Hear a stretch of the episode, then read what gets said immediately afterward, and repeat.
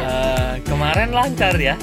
Kemarin Oke. saya udah ngitung loh satu itu sampai sep- 191 kayaknya ya. ya, 191. Harusnya kamu tuh waktu tiap kali habis take kan kamu yang ngasih judul ke filenya. Iya. Ah, tetep aja nggak ngerti. Harusnya kamu eh nggak ingat. inget. Harusnya kamu yang kemarin saya ngetik berapa? Eh, eh apa itu kemarin ya lagi? Iya, ingetnya gitu. Apa itu kemarin? Apa itu dua hari yang lalu ya? Gitu. Kayaknya bener ya 191 Benar sih. 191 One Oke. 191 One and one. Kebalikannya 191 Kan dibalik sama aja Oh, Angka cantik. Apa? Dibolak-balik sama. Iya dong. Banyak kali angka yang dibolak-balik Ya kan sama. ini kan ngomongin episode. Oh iya iya iya Oke Kita ngobrolin Dari soal- kemarin 171 nggak dibilang angka cantik Oh, saya nggak inget. 151 nggak dibilang angka cantik juga Saya nggak inget yang cantik-cantik. Selain Saya Iya. Oke, kita mau ngobrolin soal mungkin Gue gue tadi nanya sama. Ari Kamu inget gak sih Dulu tuh kamu Ari, itu jarang banget minta maaf Iya sih. Gak pernah malah. Walaupun gue bete Gue apa Dan kadang-kadang gue ngerasa Itu kan salah di Kok dia salah gak minta maaf ya gitu Bahkan kayaknya Aduh berat banget ngomong maaf Paling cuma Apa ya kamu ngomong saya Ngomong sama saya ya Kalau dulu saya bete Yang kamu kamu yang salah ya Apa ya? Saya nggak ingat loh, sama sekali nggak. Mungkin harusnya kamu yang lebih ingat karena mungkin itu lebih menyakiti perasaan. Yang pasti nggak nggak ngomong Maaf ya gitu tuh nggak gitu. Baru setelah terjadi perubahan kesadaran Hmm. dan perubahan diri baru tuh dia mulai mau. Kalau yang emang dia salah dia akan ngomong. Maaf ya. Kalau zaman dulu itu? Hah. Gua nggak ya.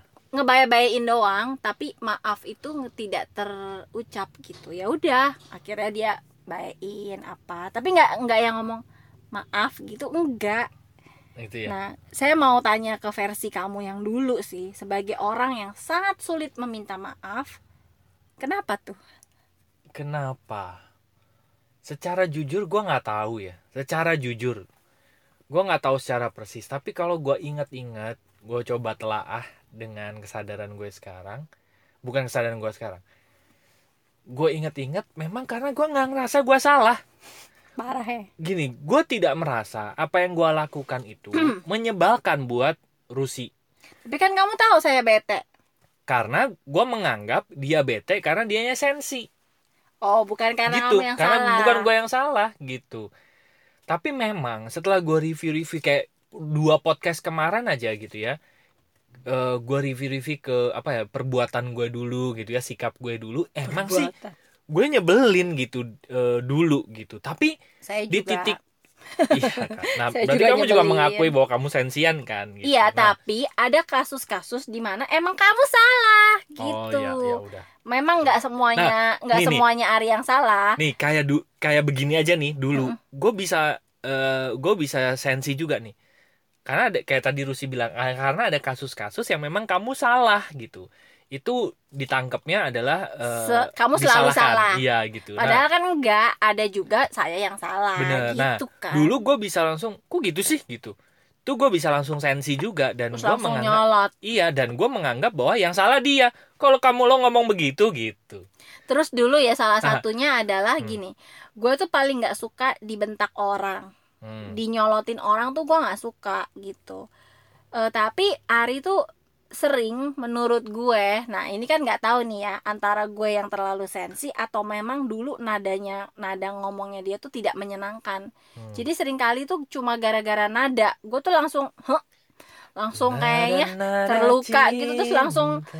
Iya. sebel gitu kalau pas eh, kan gue ngomongnya baik-baik kenapa sih dia mesti nyautinnya kayak gitu gitu gue nggak suka nadanya gitu dan di persepsi gue waktu itu kan dia yang salah orang gue ngomong baik-baik kok kok dia ngomongnya begitu? Nah ternyata mungkin menurut Ari gue biasa salah. aja gitu. Karena gimana biasa aja udah naik satu sa- Kan- tonnya kan lain. itu kan persepsimu kan eh tapi kan lain bisa Iya. didengar. Nah jadi gue merasa bahwa apa yang gue lakukan dulu adalah benar gitu. Emang gue benar kok. Gue gua ngomong itu benar gue bersikap seperti itu benar gitu. Nah jadi gue merasa ngapain gue minta maaf gitu. Eh cuman ke akhirnya gue misalnya bye-byein Rusi karena gue tidak nyaman aja gitu. Eh diem-dieman terus dia bete-betean. Karena gue terbi di benak gue gue taunya Rusi adalah orang yang sensian. Emang iya. Dan gue pribadi ya udah ya udah dibaik-baikin aja. Tapi gue nggak merasa minta perlu minta maaf karena gue merasa bahwa sikap gue nggak salah gitu. Nah untuk itu menurut gue gitu ya. Kenapa gue bisa bilang kayak gitu? Karena itulah kesadaran gue dulu gitu. Di level kesadaran gue seperti itu di tingkat gue yang kayak gitu gue merasa apa yang gue lakukan benar gitu. Tapi kalau gue review sekarang dengan eh, apa ya dengan kesadaran gue sekarang gue memang merasa bahwa dulu gue juga harusnya tidak bersikap seperti itu. Kok gue bisa sih bersikap seperti itu? Ada pertanyaan-pertanyaan juga yang eh, gue ajuin ke diri dan ya itu tadi kenapa gue bisa seperti itu gitu. Itu juga sih. Hmm. tapi itu ya kalau ditanya kenapa gue dulu bersikap seperti itu? Ya menurut gue ya karena gue masih ada di level itu gitu aja. Karena ya intinya sih kamu nggak minta maaf karena kamu tidak merasa apa yang kamu lakukan itu salah. Benar. Betul. Iya. betul betul. Oke. Gitu. Jadi mungkin ada banyak orang yang kayak gue juga. Gue juga eh, nih sering nih dapet curhat yang kayak gitu gitu. Eh, ada istri cerita ke eh, suami apa cerita tentang suaminya bilang suami gue nggak pernah minta maaf gitu. Iya ternyata itu kayaknya. Ya sama ya. Gue juga Gua bisa memahami salah. suaminya gitu. Gue nggak salah kok loh. Salahnya di mana gitu. Terus kalau dulu ya gue dibilangin kamu salah kamu bersikap seperti itu. Gue bisa punya alibi Argumen. argumen bahwa gue bener kok gitu. Ada tujuan ya gue bersikap begitu. Iya. Ya kan? Betul. Pasti kamu akan ya gue kebayang sih. Gue kebayang. Nah dulu eh gue nggak tahu momennya kapan sampai akhirnya gue bisa gue ada perubahan lah ya gitu. Terus terang gue nggak tahu kapan tapi iya gue juga nggak inget kapan. Tapi eh, ada momen-momen di mana gue mulai eh, sangat menghargai ketika akhirnya Ari bilang kalau pas dia yang salah dia bilang maaf ya. Iya. Gitu dan awal maksudnya karena itu kan jarang kan jadi begitu Ari ngomong gitu gue tahu dia pada awalnya dia mungkin sangat berusaha untuk akhirnya ngomong kayaknya mau ngomong maaf. Aduh nggak ngomong lagi. Akhirnya males. Ah gue gue kepikiran ada yang lain. Apa tuh? Matamu. Bencret. Kenapa sih otak gue begitu ya? Jadi akhirnya dia ngomong maaf gitu. untung nggak muncrat Itu cuma beda vokal doang ya. M E N C R T-nya sama. Eh, eh M N M N M N M M N C R T ya sama bisa moncrot juga. iya iya iya. ya, gitu. Jadi hmm, apa? Gue mulai eh, ih kok nih anak eh, sekarang mau ya ngomong maaf. Walaupun ya ya enggak terus-terusan apa dikit-dikit maaf dikit-dikit maaf enggak juga. Mau Indon ntar. Oh, gimana gimana? Mau Indon itu gimana? Iya saya lupa ngomong. Maaf bukannya saya mau Oh, iya, iya, ini aduh ma maaf. Maaf ini mah iya. Ya ya ya ya. Jadi iya. mungkin ya. Mungkin loh ini ya. Gue eh, ceritanya Ajan Bram tentang bebek dan ayam itu salah satu yang awal membuat gue berubah. Gue tadi kepi- juga kepikiran cerita itu loh. Sudah dibilang kita ini sudah satu hati. Satu hati. Lagu apa sih? Semestinya. Nggak tahu. Lagunya Dewa. Oh nggak tahu gue. Melatih oh. maafkan aku lagi. Iya iya ya, udah udah. Kenapa kamu mendesak mendesak gitu sih suaranya jijai Iya. tau nggak? Nah, kayaknya gue inget, yang gue inget di pikiran gue adalah cerita ayam dan bebek itu gitu. Karena gue nggak nggak inget lagi cerita apa eh, cerita yang lain atau inspirasi yang lain yang mungkin kalau di eh, apa ya dihubungkan dengan maaf ya gitu. Kayaknya sih ya cerita Ajan Bram itu adalah eh, awal titik balik gue merasa bahwa gue kenapa gue berat ya minta maaf gitu. Terus kenapa gue perlu berkeras hati me apa eh berkeras hati ter- terhadap gue yang benar gitu. Menurut Iya. gue adalah yang eh, prioritasnya ya. Prioritasnya adalah keenakan hubungan gue dan Rusi. Itu jauh lebih lebih lebih berprioritas gitu. Lebih, gue Lebih prioritaskan Daripada dibanding gue sekedar memprioritaskan sikap gue yang benar ego gue yang benar gitu. Karena mau nggak mau sepanjang hari gue hidup sama dia gitu. Nah cuman begini gue merasa memang awal-awal perubahan itu gue sangat berusaha karena gini ada menurut gue ya ada kayaknya kok gue gitu banget ya kayaknya ada prinsip-prinsip yang menurut gue bener kok gue kayaknya kok gue harus lunak minta banget maaf? gitu. Kenapa iya. gue lunak banget sama sama yang menurut lu benar. Iya gitu. Nah, tapi ada satu perkataan yang menurut gue mungkin ini juga yang membuat gue berubah adalah yang tahu benar siapa sih? Siapa yang bisa menilai ini benar dan ini salah gitu? Itu kan mungkin pertama karena kebiasaan. Kebiasaan yang diulang-ulang kalau kita tidak melakukan hal itu itu dianggap salah. Padahal apakah kebiasaan itu benar? nggak tahu juga gitu jadi ini kayaknya ada juga di bukunya Ajan Cah atau Ajan Bram gue nggak tahu. Apa tuh contoh contoh ininya? Kok gue nggak kebayang? Gini. Eh siapa sih yang bisa ya, yang tadi pokoknya garis bawahnya itu ya? Mm-mm, satu ah. Keben, siapa yang menentukan ini benar atau salah? Contohnya Con- apa yang eh, iya contoh kejadiannya apa? Kok gue malah nggak nangkep? Contoh aja paling gampang gini Mm-mm. ya. Naro kunci di tempat yang seharusnya ditaruh oke kalau tidak dilakukan gue bisa menganggap itu salah Mm-mm. Tapi apakah itu salah sebetulnya? Gue menganggap kalau kalau Rusi naruh kunci tidak di tempat yang sebagaimana harusnya ditaruh, yang akhirnya mengakibatkan dia nanti kalau mau pergi menghabiskan beberapa menit untuk nyari tuh kunci, Mm-mm. dan akhirnya gue ngomel-ngomel, salah contoh ya, gue menganggap itu salah. Kamu salah karena kamu tidak naruh kunci di situ. Kenapa gue menganggap hal itu salah? Karena gue terbiasa melakukan hal itu. Tapi kalau ditanya, apakah itu sebuah kebenaran? Jawabannya belum Iya. tentu, enggak kan, gitu kan? Ah, Itu kan bukan kebenaran semesta. Semesta menghukum kamu gara-gara kamu lupa naruh kunci, kan? Enggak dong. hmm, Nangkep ya maksud gue ya? hmm. tapi kan Gitu. emang salah ya Salah karena kebiasaan. oke gitu ya. Tapi bukan salah yang eh, bukan Oh, bukan, bukan ya, kebenaran ngerti. mutlak semesta gitu. bukan berarti gue berdosa gitu kan maksudnya Iya, benar gitu. Jadi Ah, hal-hal seperti itu yang gue pikir, iya. Kenapa gue bisa bilang ini salah, ini benar? Menurut gue yang pertama karena kebiasaan gue aja. Karena kebiasaan gue kayak gini, gitu. hmm, Apalagi soal kerjaan deh, mm-mm. gitu. Iya. Soal kerjaan. Kenapa gue bisa bilang yang dilakuin Rusi salah? Harusnya kamu buat laporan nggak begini dong, gitu. Mm-mm. Kalau gue ngomel begitu. Kenapa? Terus gue bilang dia salah. Terus kenapa itu salah? Ya mungkin karena gue terbiasa ngerjain laporannya dengan versi gue. Ya lu salah jadinya gitu. Hmm. Tapi kan salahnya itu bukan salah, bukan kesalahan yang dijudge oleh semesta. Sama kayak misalnya lo salah bunuh orang ya itu kan memang salah gitu kan. Iya iya iya iya iya iya iya. iya. Gitu. Nah, gue bisa marah karena ada kebiasaan gue yang dipatahkan. Itu Oh. Yang pertama menurut gue gitu ya. Oke. gue menganggap hal itu salah karena kebiasaan gue. Nah sedangkan Rusi kebiasaannya nggak begitu gitu. Terus gue menganggap Oh. dia salah karena kebiasaannya nggak sama sama gue.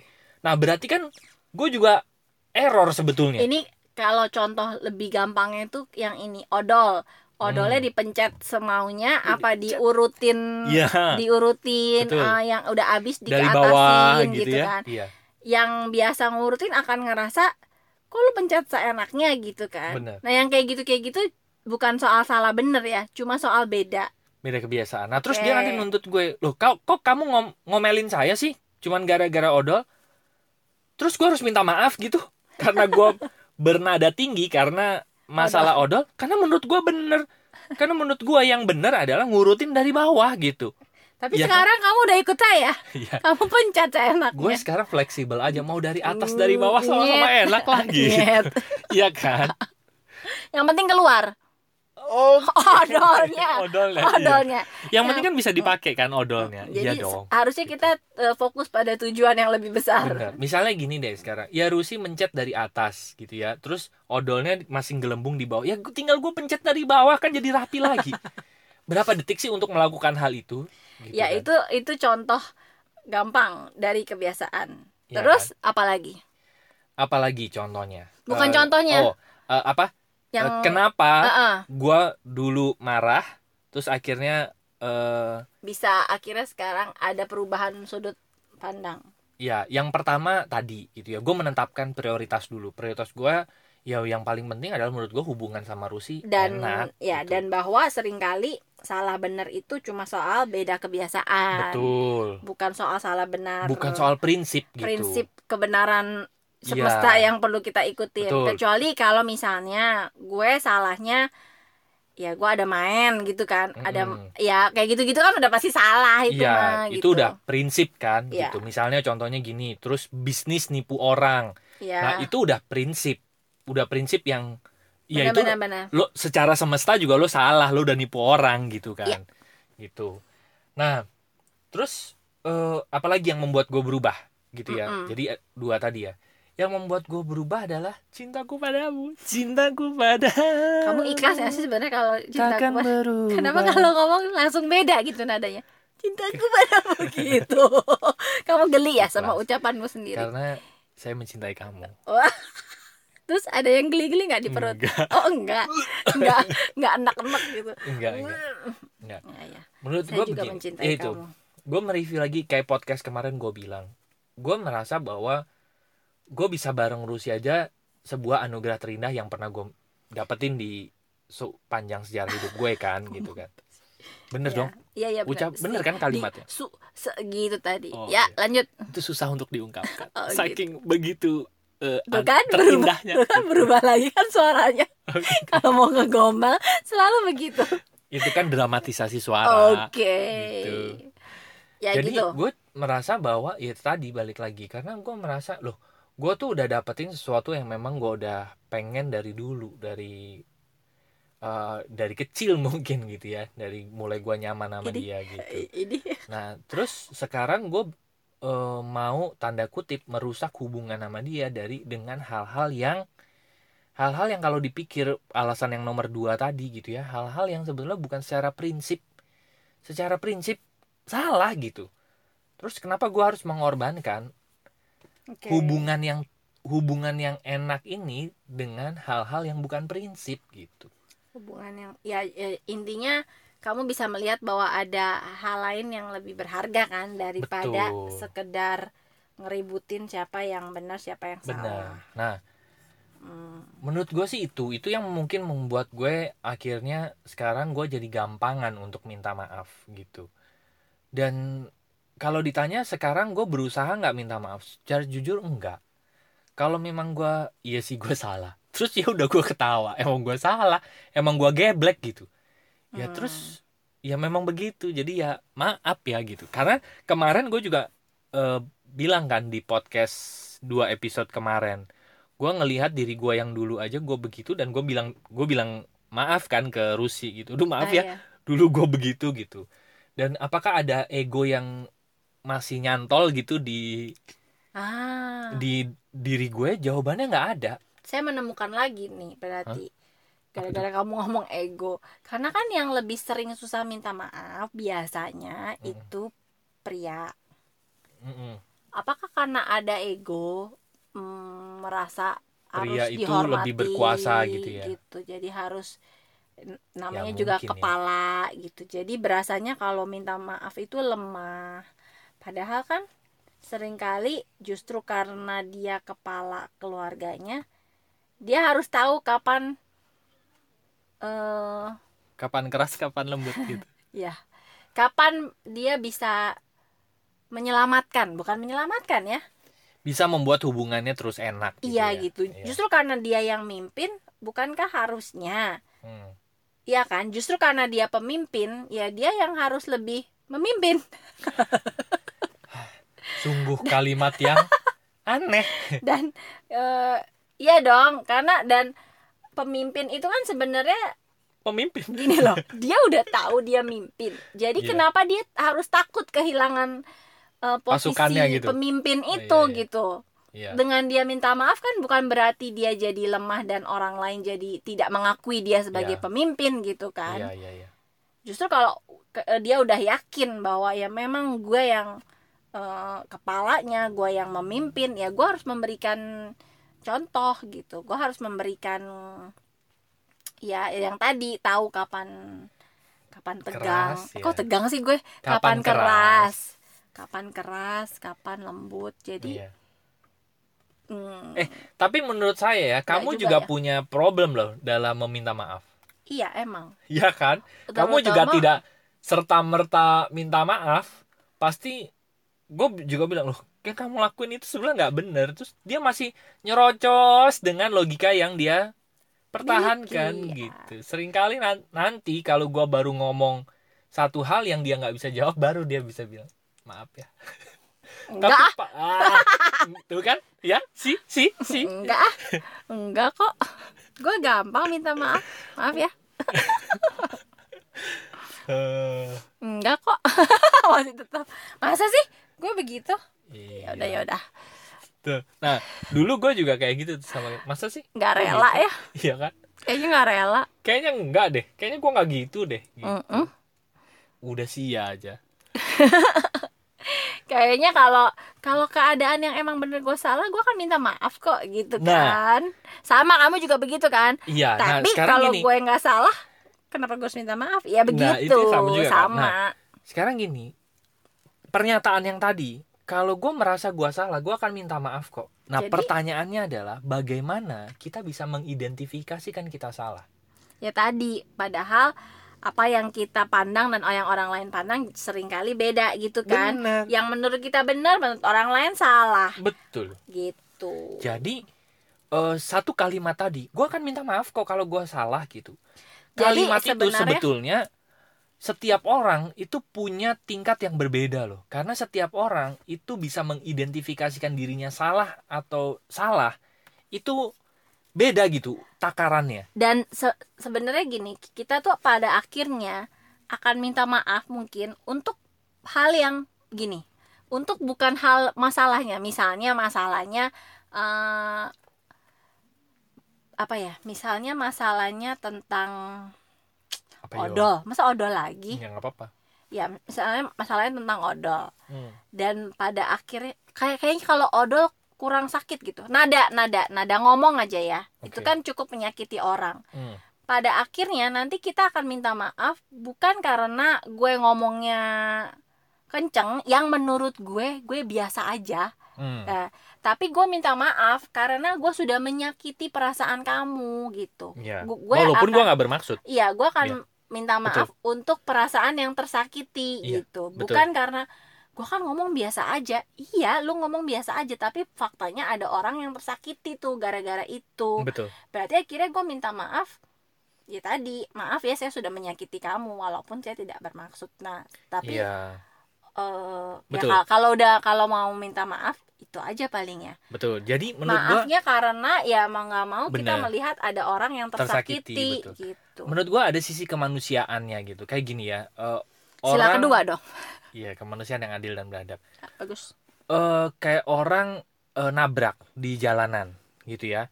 Mau siapa yang salah, siapa yang benar, yang pertama kali diutamakan adalah kemanusiaannya dulu gitu. Kamu nggak apa-apa, habis itu baru diselesaikan, baru kita cari yang melanggar sebetulnya siapa gitu. Ya. Cuman sering kali kejadian lalu lintas itu terjadi nabrak marah aja dulu gitu. Sisi kemanusiaannya orang luka dan lain sebagainya bisa diabaikan dulu gitu. Nah, sama juga menurut gue minta maaf juga begitu sih gitu mau siapa yang salah yang benar tapi kalau ada orang yang merasa disakiti kita perlu meminta maaf karena dia merasa tersakiti gara-gara kita gitu walaupun kita tidak bermaksud seperti itu nah ya kan? sering kali ada orang yang minta maaf tapi masih nggak ikhlas gitu. Jadi ya udah deh maafin. Maafin, gitu Tapi ya. aku kan nggak maksud begitu. iya Kamu kenapa nangkapnya begitu lah salah lagi. Jadi kalau udah mau minta maaf iya dengan tujuan me- memperbaiki perasaan yang Betul. tersakiti, benar eh, udah nggak usah pakai walaupun gitu. iya maaf ya kamu tadi eh, jahat tersakiti gara-gara omongan saya iya titik. ya ya udah. Walaupun di dalam hati masih bilang apaan sih? aneh. Dalam hati masih begitu. Tapi menurut gue gini ya pada saat kita meminta maaf tidak ada satupun dari diri kita yang eh, hilang gitu. Benar. Nggak ada satupun diri kita yang kayaknya direndahkan atau enggak enggak menurut gua. Karena semua orang-orang hebat selalu bilang bahwa orang yang bisa minta maaf itu orang-orang hebat gitu. Karena mereka bisa mereka bisa apa ya mereka udah mulai bisa merilis egonya mereka udah bisa ngobrol dengan dirinya bahwa ada sesuatu yang lebih penting dibanding ego mereka gitu. Mereka bisa dengan sepersekian detik mungkin mereka ngomong maaf mereka tuh secara otomatis di bawah sadarnya sebetulnya mereka tahu prioritas-prioritas yang mereka utamakan. Hubungan kemanusiaan gitu ya. Ya itu yang hebat dari orang-orang yang bisa minta maaf ya gitu itu yang menandakan maksudnya jiwa mereka lebih besar daripada egonya. Mereka jiwanya sudah mulai tua gitu mulai dewasa. Ya ya ya gitu itu jadi sih. hmm, karena model beginian aja bisa yang bisa bisa sampai orang pisah itu gara-gara keseringan begini. Mm-mm. Cuma Iya. dari hal-hal kecil terus jadi gede jadi gede terus padahal yang kecil jadi pernah- gede itu enak loh. Tergantung apa dulu. Iya sih cuman kalau yang hal ini kalau buah tuh enak dari kecil jadi gede. Iya sih. Tapi kalau masalah tentu tidak. Hmm. gitu. Oke lah. Tapi begitu. menurut kamu kalau orang minta maaf cuma nggak ikhlas itu rada ininya. Ya udah maaf maaf lah gitu. Minta maafnya kayak begitu. Gimana? Ya lebih baik daripada tidak minta maaf. Maaf Setidak- sih gitu. Iya terus set- udah gitu dimaafin nggak? Terus dia Maksa. terus berantem jadinya berantem gara-gara soal maaf memaafkan. Iya, betul. maksa. Gue kan udah minta maaf kok lu nggak maafin? Terus berharapnya kalau udah minta maaf orangnya baik dengan Ah. segera. ini ini ini ini menarik nih. Kalau kita iya betul Eh, kita punya pengharapan yang seperti itu sebetulnya. Jadi pada saat kita minta maaf kita pengennya orang lain itu langsung baik sama kita gitu kan. Kan gue udah minta maaf kan gua udah minta maaf gitu kan. tapi kan sebelah orang itu juga perlu proses. Begitu juga dengan diri kita. Kita kan waktu ngomongin minta maaf kita kan juga perlu waktu kan untuk berdamai dengan diri kita untuk sampai akhirnya terlontar Keluar. kata maaf itu gitu. Benar. kita memberikan waktu untuk diri kita sampai akhirnya kita bisa berani mengungkapkan hal itu. Begitu juga dengan orang yang mendengarnya gitu kan. Mm-mm. Kalau kita mau ngomong aja ada jeda, orang yang mendengar juga perlu jeda sampai akhirnya eh, bawah sadarnya menerima gitu. Iya. Jadi menurut gua yang paling utama dari kita minta maaf adalah sebetulnya eh, untuk diri kita dulu sendiri gitu. Bahwa kita sudah bisa membuang ego. Setelah itu urusannya dia, biarkan dia kita kasih kasih waktu untuk eh, bernegosiasi dengan dirinya sampai akhirnya dia bisa merilis gitu emosi-emosinya. jadi kita nggak- juga bisa mem- memaksa orang untuk eh, segera baik-baik saja lagi Iya, gitu betul. setelah mis- misalnya tadi setelah dia terluka dia tersakiti dia juga perlu waktu untuk eh, menyembuhkan itu Betul. Ya kita perlu fair lah. Kita kita perlu waktu untuk sampai akhirnya memberanikan diri mengatakan hal itu. Kita juga perlu memberikan dia waktu untuk merilis emosi. karena kadang-kadang dulu ya mungkin Ari juga eh, ingat kalau dulu kan gue bete terus gini makin gue lama didiemin itu kan Iya. udah makin bete kan makin berkerak gitu betenya jadi Mhm. begitu Ari akhirnya memutuskan yaudah gue minta maaf gitu atau apalah dia bayar-bayain dia mulai duluan gitu diam-diamannya udah berjam-jam nih atau mungkin udah Iya. sehari dua hari gitu begitu dia mau ngomong lagi kan nggak bisa dong gue yang dari bete dua hari langsung yang ceria lagi Iya, betul. apa manis lagi gitu kan enggak kan jadi Betul. perlu Takes time, waktu nah iya. makanya sebenarnya kenapa itu lebih baik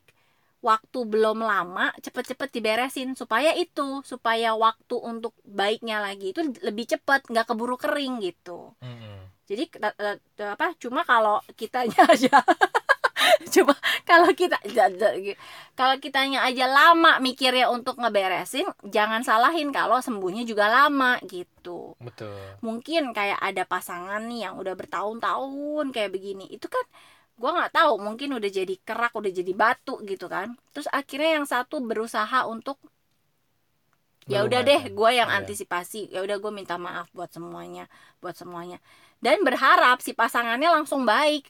Kan nggak mungkin batu yang udah bertahun-tahun terus langsung brol pecah gitu kan. Iya. Ya mungkin kekikis dulu dikit dikit dikit. Nah tinggal itunya sabar apa enggak gitu. Betul betul. Karena mau nggak mau kita mesti ngakuin bahwa itu terbentuk juga nggak serta merta kan. Itu terbentuk karena kita membiarkan bertahun-tahun. Betul. jadi ada konsekuensi yang harus dibayar gitu. Nah semoga itunya sabar waktu bayarnya. Iya supaya sampai akhirnya semuanya beres dan bisa benar-benar enak lagi baik lagi betul. Gitu jadi ya kalau yang belum sampai jadi batu ya beruntung berarti cepet-cepet dibaikin dibersihin Betul. diselesaikan. Betul. Mumpung kayak kemarin ada gambar bagus tuh ya awalnya hati Iya. merah gitu. Saya ngomong itu gara-gara Iya. ingat itu.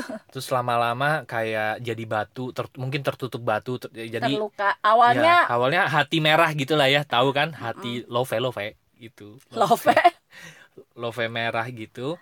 Terus lama-lama dia kayak tertutup batu eh, sedikit seperempat setengah tiga perempat gitu. 10 lama-lama tahun udah iya udah jadi batu. Nah hatinya udah nggak udah pada saat itu udah jadi batu terus tiba-tiba kita mau minta maaf gitu ya kita Mau pengen memperbaiki. langsung batunya itu hilang langsung jadi love lagi.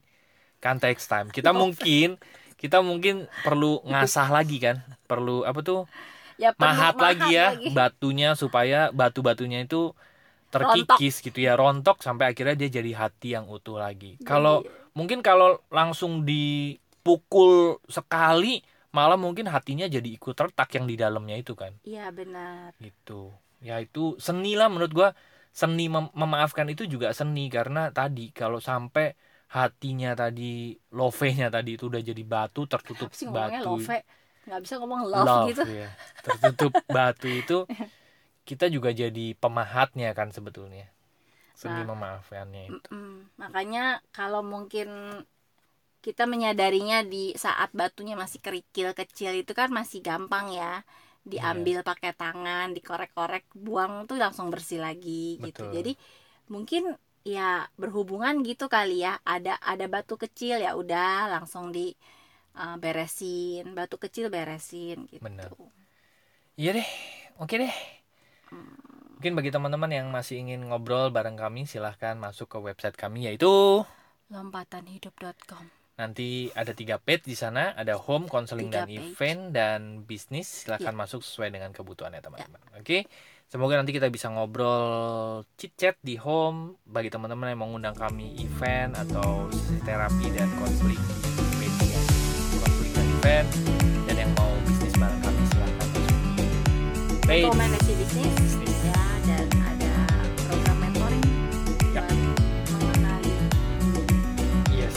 Oke.